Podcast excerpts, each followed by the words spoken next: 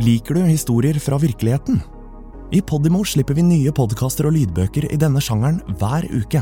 Dokumentarer, personlige historier og true crime. I denne spillelisten kan du høre et utvalg av våre mest populære titler. Podimo. Podkast og lydbøker i én og samme app. Du lytter til en podkast fra Third Air.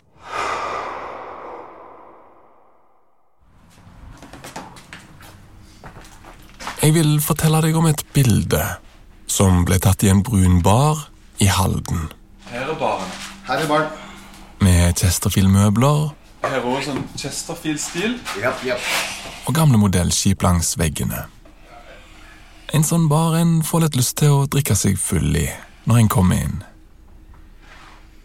Men det her er en av de koseligste barene jeg har vært i på en god stund. altså. Ja, men Det var hyggelig. Det er mange som trives her. Og det, det er jo litt artig, for at vi får mange gjester som har minner. Og mimrer litt om, eh, om denne Grandbaren. Men eh, jeg og innehaveren er ikke her for å drikke oss fulle, dessverre. Vi er her for å prate om et bilde som ble tatt i 2020. Som har blitt en kuriositet. Altså, jeg fikk jo bilde sammen med Maria, og det tror jeg ikke er mange som eh, eh, og, og, Jeg har det her. Ja da. Det er kun to mennesker på bildet. En mann og ei kvinne. Mannen og eieren, han vet jeg nesten alt om. Men eh, kvinna forblir et mysterium. Hun er en av de største svindlerne som har levd i Skandinavia. Det finnes en håndfull mennesker som har forsøkt å finne ut hvem hun egentlig er. Men eh, det er ingen som har fått det til. Der, her sitter dere i Chesterfield-sofaen, Ja da. og du lener deg litt mot henne Ja. og smiler. Og hun prøver å forlate meg. Prøver, hun prøver å komme seg ut av eh, armkroken min, for å si det slik. For hun lener seg litt bort ifra deg. Ja, hun lener seg litt bort. Det er kvinner som lener seg ut av bildet. Jeg har brukt det siste halvåret på. Hun var ikke noe særlig, og det så vi også, hun var ikke noe særlig happy for, eh, for dette bildet. Men dette var jo før jeg avslørte da, at jeg visste hvem hun var. Like før. Ja, det var like før. Så eh, Men for meg så starta ikke denne historien i baren, men med slutten. Altså begravelsen til kvinner på bildet. Stalsberghagen krematorium skal det være. En begravelse jeg, ja, ikke hadde lyst til å dra i. Så tror jeg vi er framme. Jeg har parkert like utenfor Stalsberghagen krematorium. Utenfor bilvinduet kjører svarte begravelsesbiler inn i kjelleren på bygningen. Opp fra pipa på taket siver hvite røyk. Det kan rett og slett se ut som om folk blir kremert i kjelleren og bisatt i etasjen over.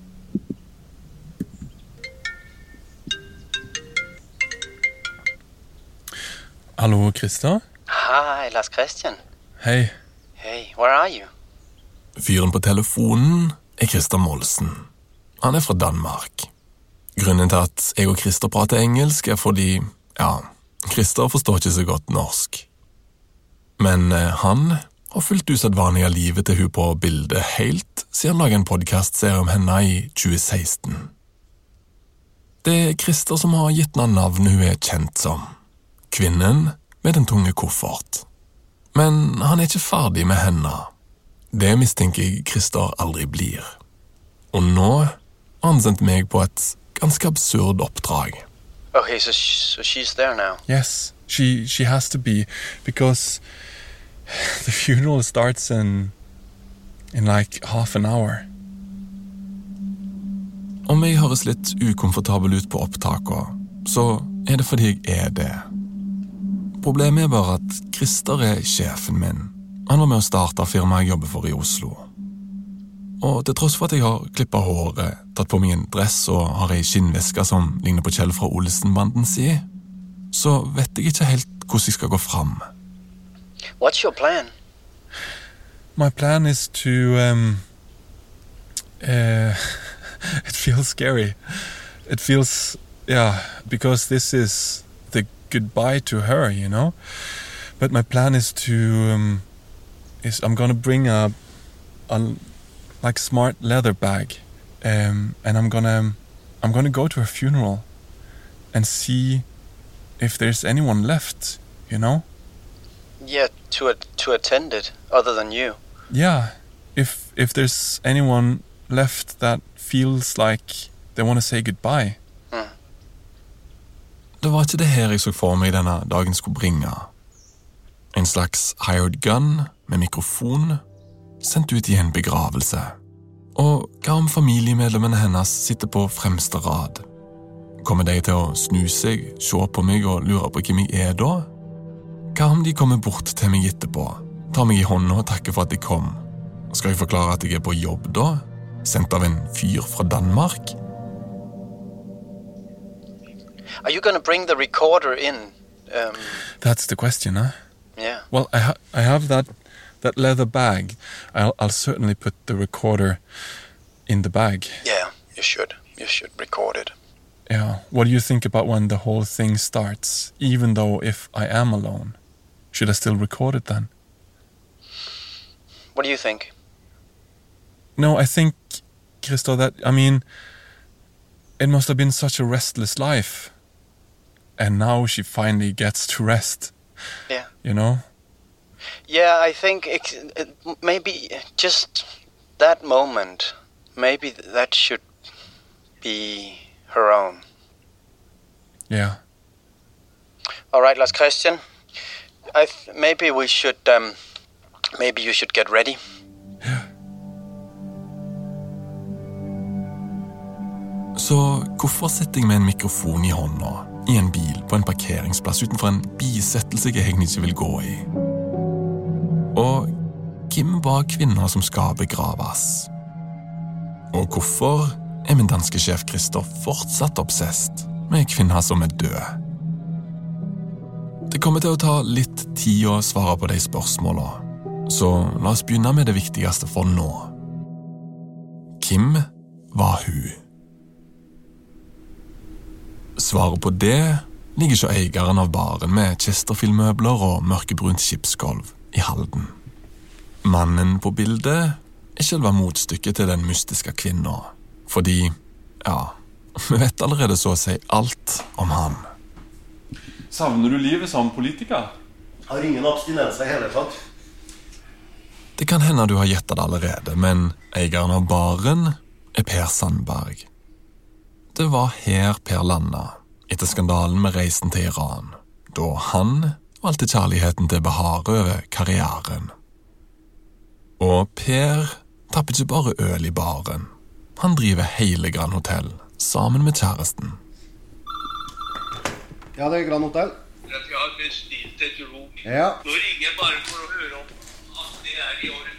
Et øyeblikk skal vi se, Inge. Kanskje. Ja.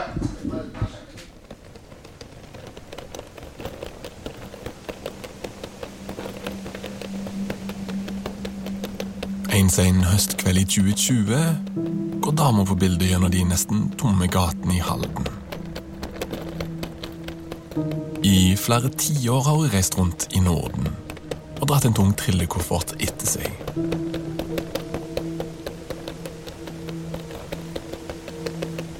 Og nå går hun målbevisst mot det gule skiltet til Grand Bar. Inne i baren presenterer seg som Maria og forklarer at hun må snakke med Per Sandberg. Men denne kvelden er han hjemme. Jeg var ikke på jobb heller, men, eh, men jeg fikk eh, en oppringning fra en av mine ansatte eh, som sa at det var en dame som var på besøk her, som absolutt ville prate med meg. Og vi, vi har jo en eh, policy vi som sier at hvis det er kunder som ønsker noe spesielt, så, så tilfredsstiller vi det. Så jeg hadde jo fri denne dagen, men jeg tok jo mopeden og kjørte ned for å hilse på denne kunden.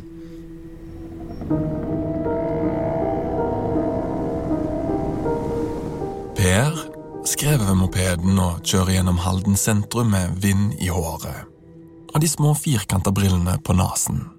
Han parkerer utenfor den lysegule murbygningen og går inn bardøra. Eh, og da satt jo da Maria borti, borti kroken her i baren og, og tok imot meg. Men Maria lignet en vanlig bargjest.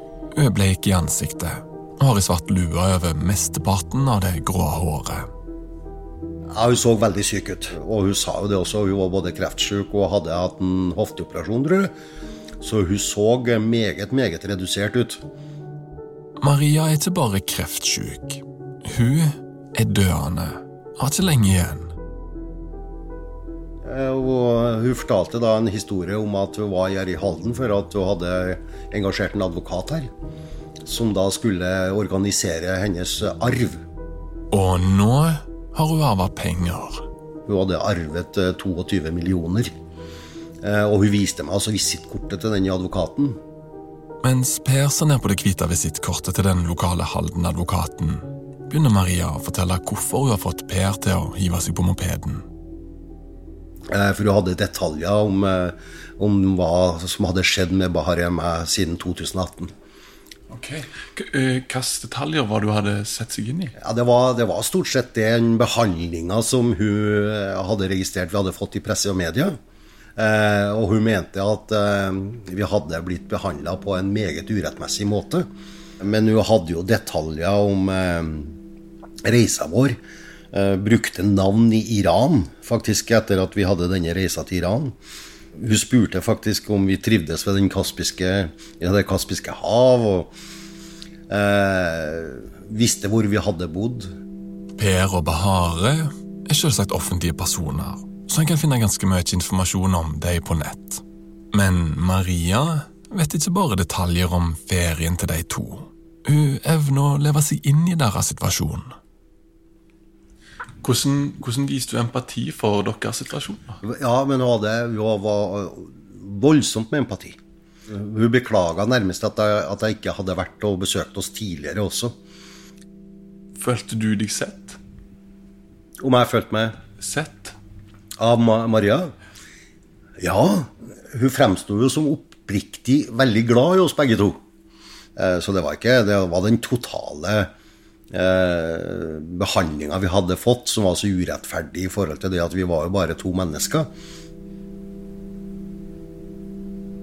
Maria med trillekofferten, som er dødssyk og kan kjenne på urettferdigheten som de to som bare er mennesker, har måttet tåle. Men hun har ikke bare empati å by på. Faktisk har hun noe som kan komme godt med når en starter en bar. Eh, Og nå når hun var så syk som hun var, eh, og hadde arvet eh, så store midler, så mente jeg, at, mente jeg rett og slett at vi hadde fortjent en del av denne arven hennes. da. Og fikk en opplysninger, fikk navn og slike ting. Og, og lovte at vi skulle ta kontakt. da. Hun skulle jo da på, hadde møte med advokaten dagen etterpå også.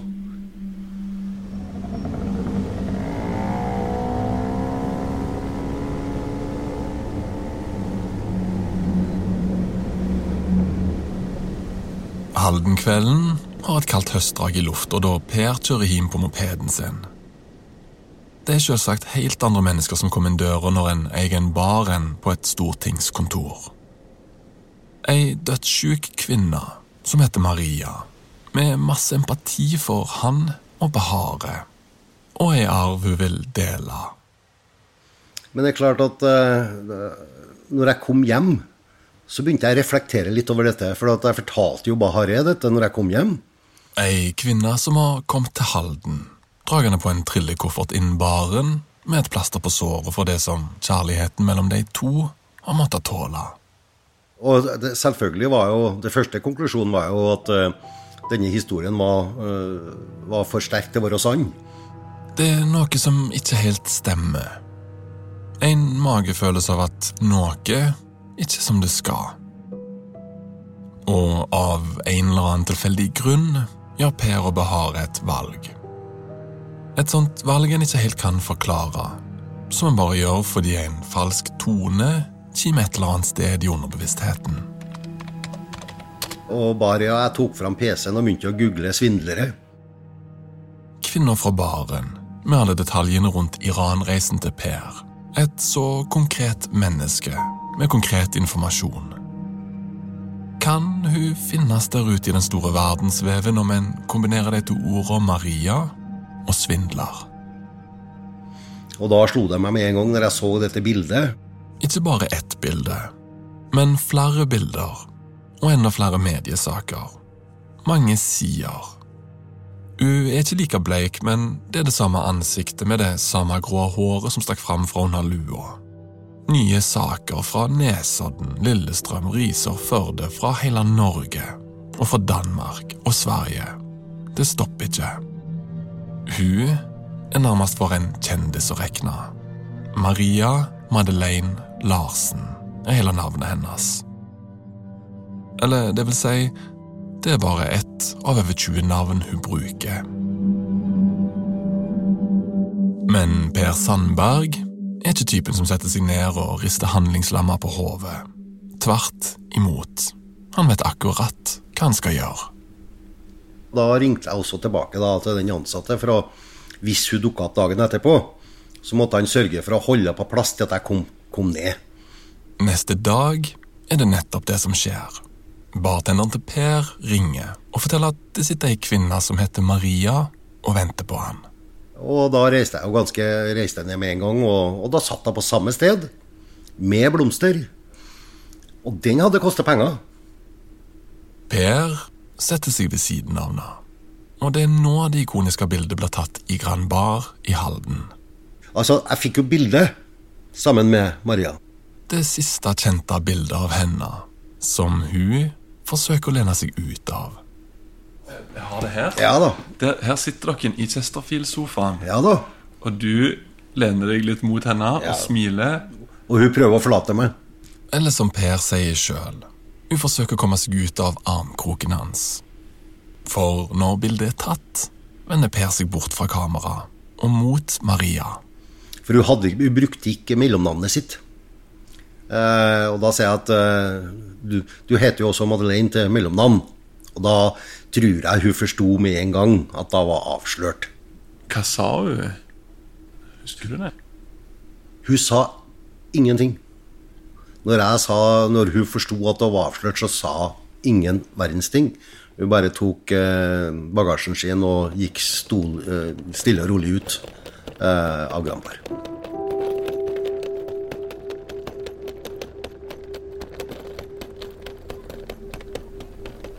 Hva tror du hun forsøkte å få ut av deg?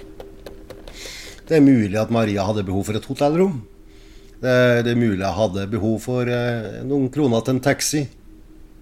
Hvis hun hadde fortalt den sanne historien sin, og vært liksom naken, menneskelig med deg, har du fått et hotellrom da? Det, det tror jeg faktisk. Eh, for at vi, vi, vi hadde jo rom ledig. Eh, og det er klart at eh, hvis hun hadde vært åpent og ærlig på at eh, hun var i nød og trengte et hotellrom, så ser jeg ikke bort ifra, i hvert fall ikke at bare er i, i, ren, eh, i ren sympati ville ha gitt et hotellrom.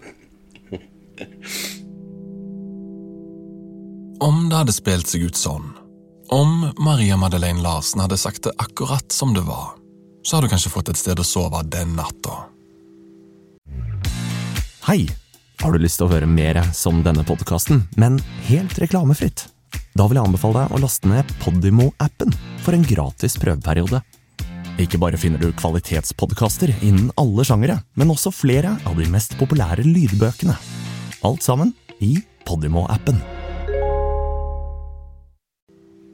Og om det hadde vært gangen i historien, så kunne jeg nok sagt at Per Sandberg og Behare hadde mer empati og innlevelse for henne enn hun i virkeligheten hadde for deg.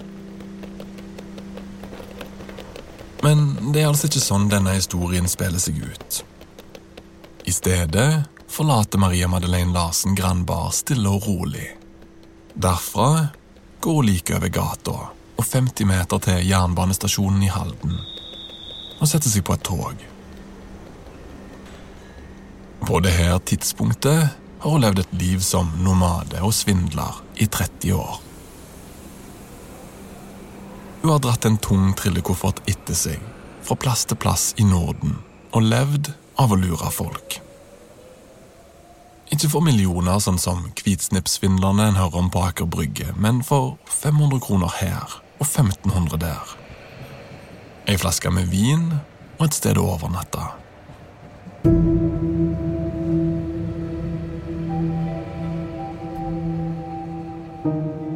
Hver eneste dag har hun dratt trillekofferten etter seg rundt i Skandinavia.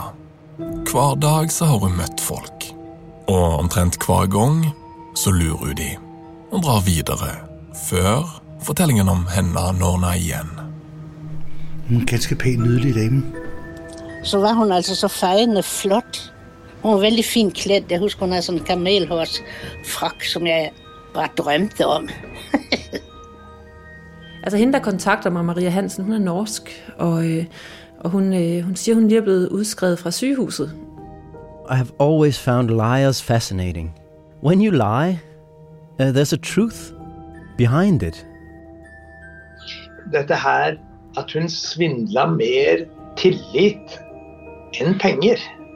Especially when, when you can kind of, you know, see through a lie, then you see exactly what a person dreams about. Hun kom i full brudestas og hele pakka. Hun kommer på krykker, gående ned eh, trappa.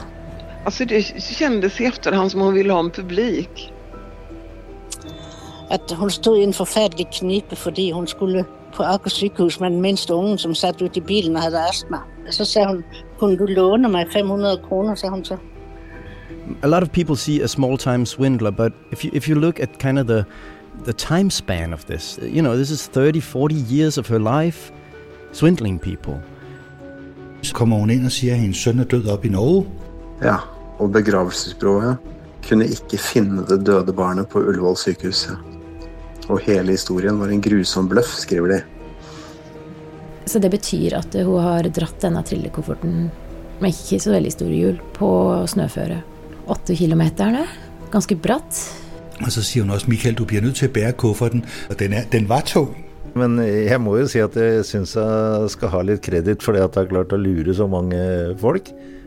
Så noe med min kristen plikt.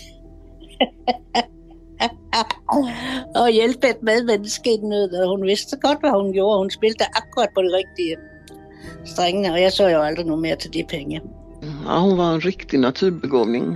Hun var simpelthen så god. Den beste skuespiller jeg nogensinde har opplevd. Hvor der står 'Jeg overgår ikke mer'. Og så er der litt, sådan lidt blodigt på lanet. Men at hun har hatt det mye moro, det er jeg sikker på. Det, hun har nok sittet om kvelden og ledd litt for seg sjøl når hun har fått til dette her. Prøvde du å snyde meg lige nu? Nei, overhodet ikke. Overhodet ikke. And something must have happened to make her into the woman with the heavy suitcase, right?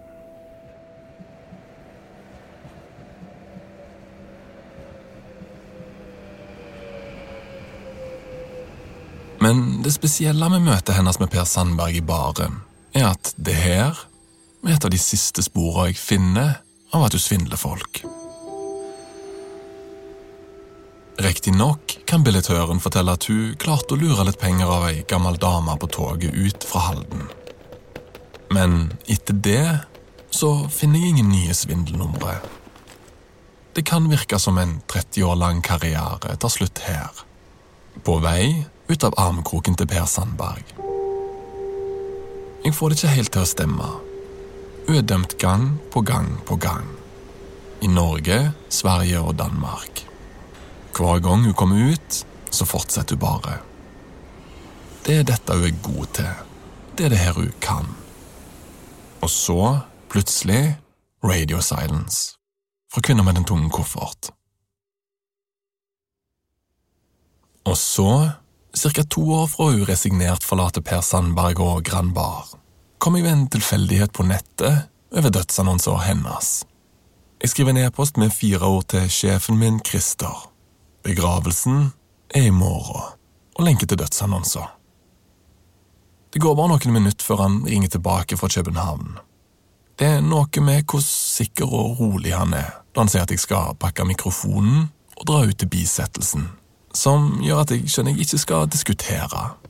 Og det er her, ved Stalsberghagen krematorium utenfor Lillestrøm, jeg sitter i bilen på parkeringsplassen, og forsiktig legger opptakeren i den brune skinnbagen, puster djupt noen ganger og tar mot til meg.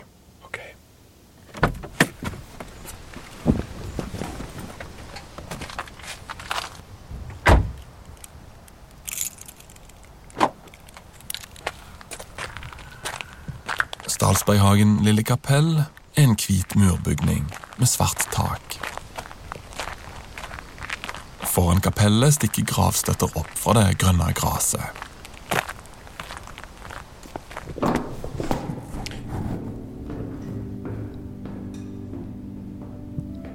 Kapellet er det satt ut tre rader med hvite stoler. Alle er tomme. Det er kun to begravelsesagenter i lokalet. Han ene står ved inngangen og stikker et sanghefte i hånda mi. Den andre retter litt på de tomme stolene på fremste rad. Begge to ser nysgjerrig på meg, oppløfta nesten, over at det kanskje har kommet noen som kjente henne og vil si farvel. Så går det opp for meg at jeg, som aldri har prata med henne, som har en mikrofon liggende i bagen, er ufrivillig blitt en del av slutten på livet hans.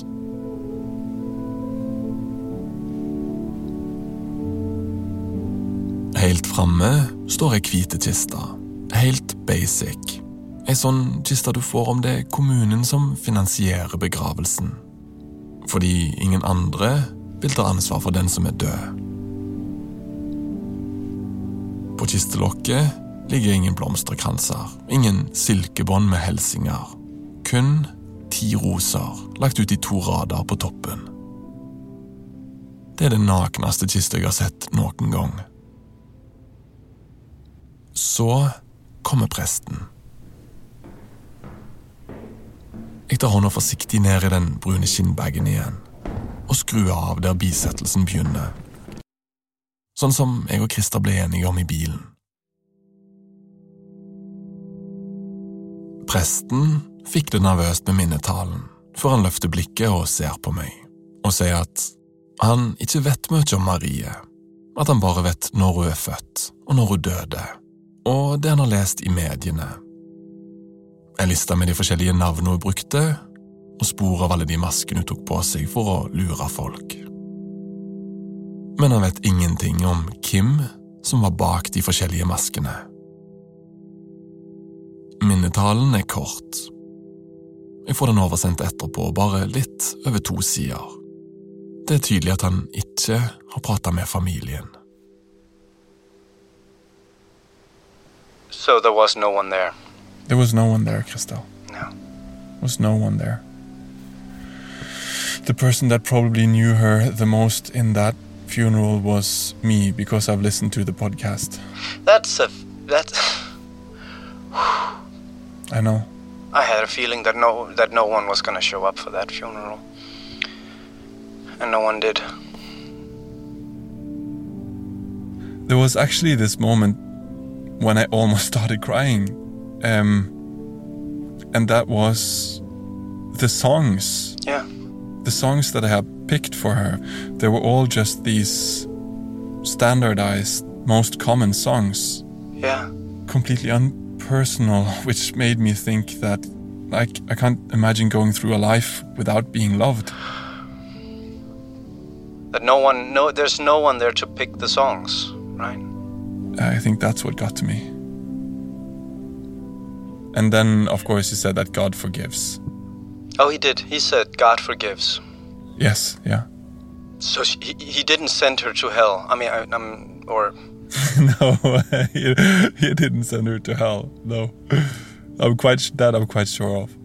But what he said was that I don't know a lot about her, except from the things written about her in the media. I don't know anything, except from the different names that she used. And um, and then he draw this parallel that we can all wear masks, different masks when we go to work, or but in this instance, he had n- no idea of the face behind the masks. yeah, he can only see the masks. That makes sense. hmm Like everyone, including you, just met the masks, right? Different versions of the masks. Yeah. yeah. But no, no, no one has seen the face. No. I've never met one. Never. Hva slags liv er det jeg nettopp har vært med på punktummet til? Hvorfor er det ingen som dukker opp i begravelsen? Ei kvinne som har lurt folk i tre til fire tiår? Og så, to år før hun dør, så slutter hun plutselig? Ei kvinne med flere masker, som ingen har sett ansiktet til. Ikke Christer, ikke presten, ikke noen. Det må finnes noen glimt som viser det ekte ansiktet der ute. Hva får en se da? Det er det her jeg skal forsøke å finne ut av. Det er det her jeg skal bruke det neste halvåret på.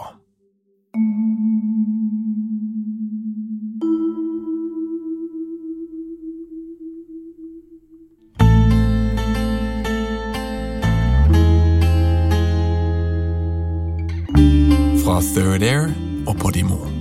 Du har lytta til Kvinnen med den tunge koffert kommer hjem. Historien er tatt opp, skrevet og fortalt av Lars Kristian Øverland. Den er gjort etter en idé av Christer Molsen, som òg er produsent. Anne Obel har gjort lyddesign, skrevet originalmusikk og miksa episoden. En ekstra takk til Tim Hinman, som både har laga musikk og hjulpet til med dramaturgien. Og ikke minst takk til Rasmus Spitz, Fredrik Nielbo og Nora Brønseth for veldig god hjelp i redaksjonen. Eksekutiv produsent er Joel Silberstein Hont, og Martin Jonsson er ansvarlig utgiver på Third Air.